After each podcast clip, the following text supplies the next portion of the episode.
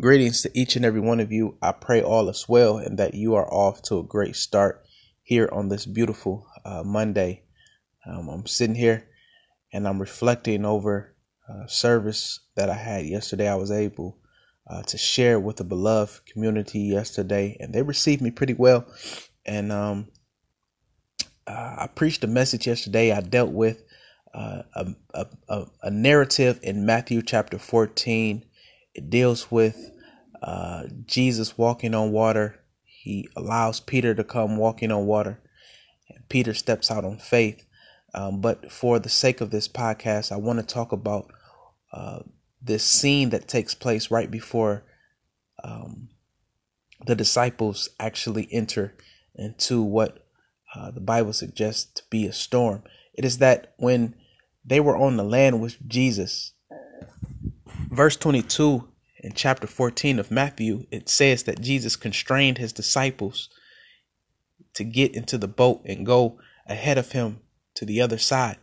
And it is in that that we see that word constrained means that Jesus had to force them. He literally had to persuade them to get into the boat and to move from where they were uh, to get to their destinations. But they heard the word of God and yet they end up in a storm. And that's where I want to anchor my point right there that oftentimes we can hear the word of God and still end up in storms.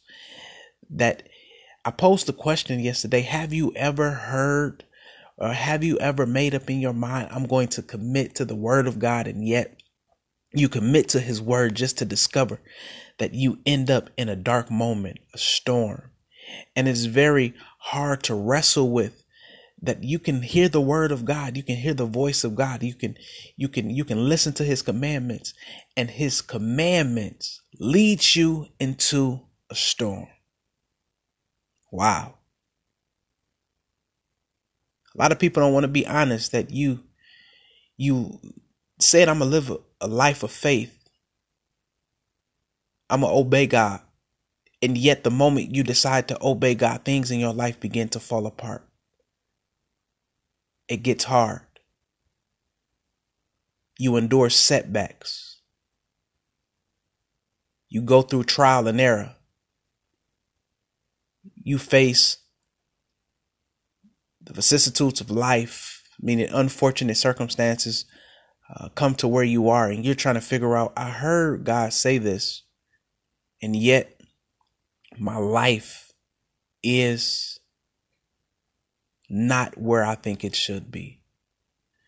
One thing the scripture had to remind me of is that sometimes God uses storms to develop and deliver us in our process.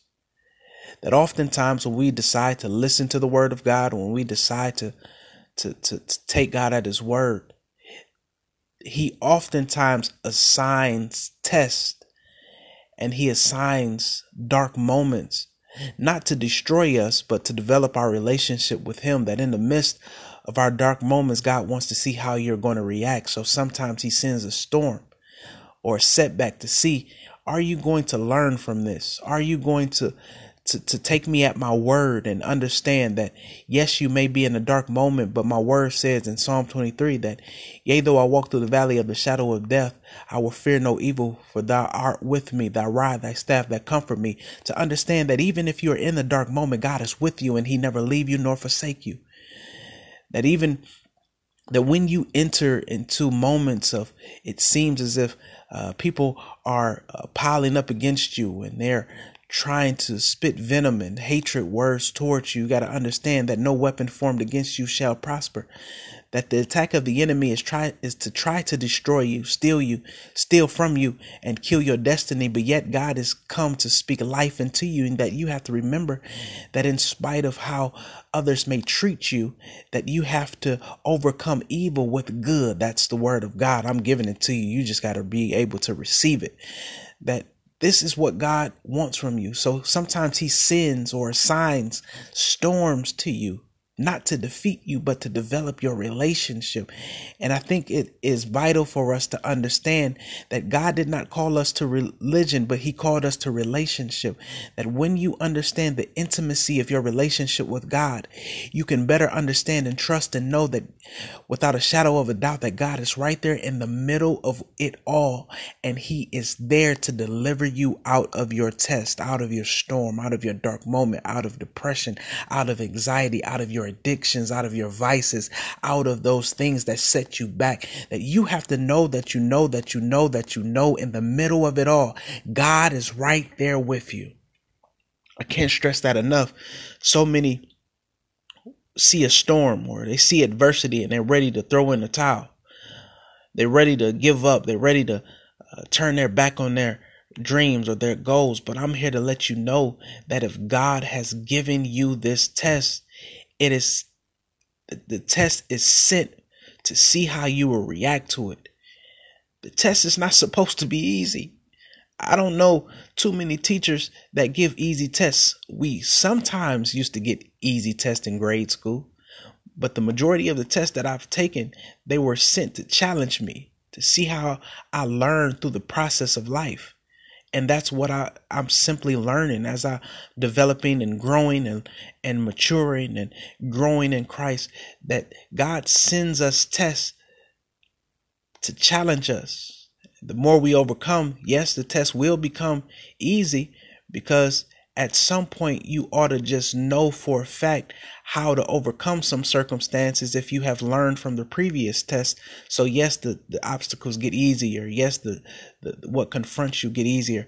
But there are some tests that god sends us that challenge us to a certain level that he just want to see how we're going to react. So i just want to tell you to go through it and yet learn that oftentimes that this storm was not the, the the the, this storm that you're going through right now.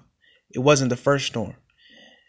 And if God delivered you out of that storm, trust and believe God will deliver you out of this storm. You have to go into the storm with the confidence knowing that God delivered me before, He can definitely deliver me again. God Almighty, we thank you. We thank you for your presence, God. We give you glory even right now for someone who may be going through a test somebody that may be going through something in their life where they really want to just throw up their hands and throw in the towel and give up and quit.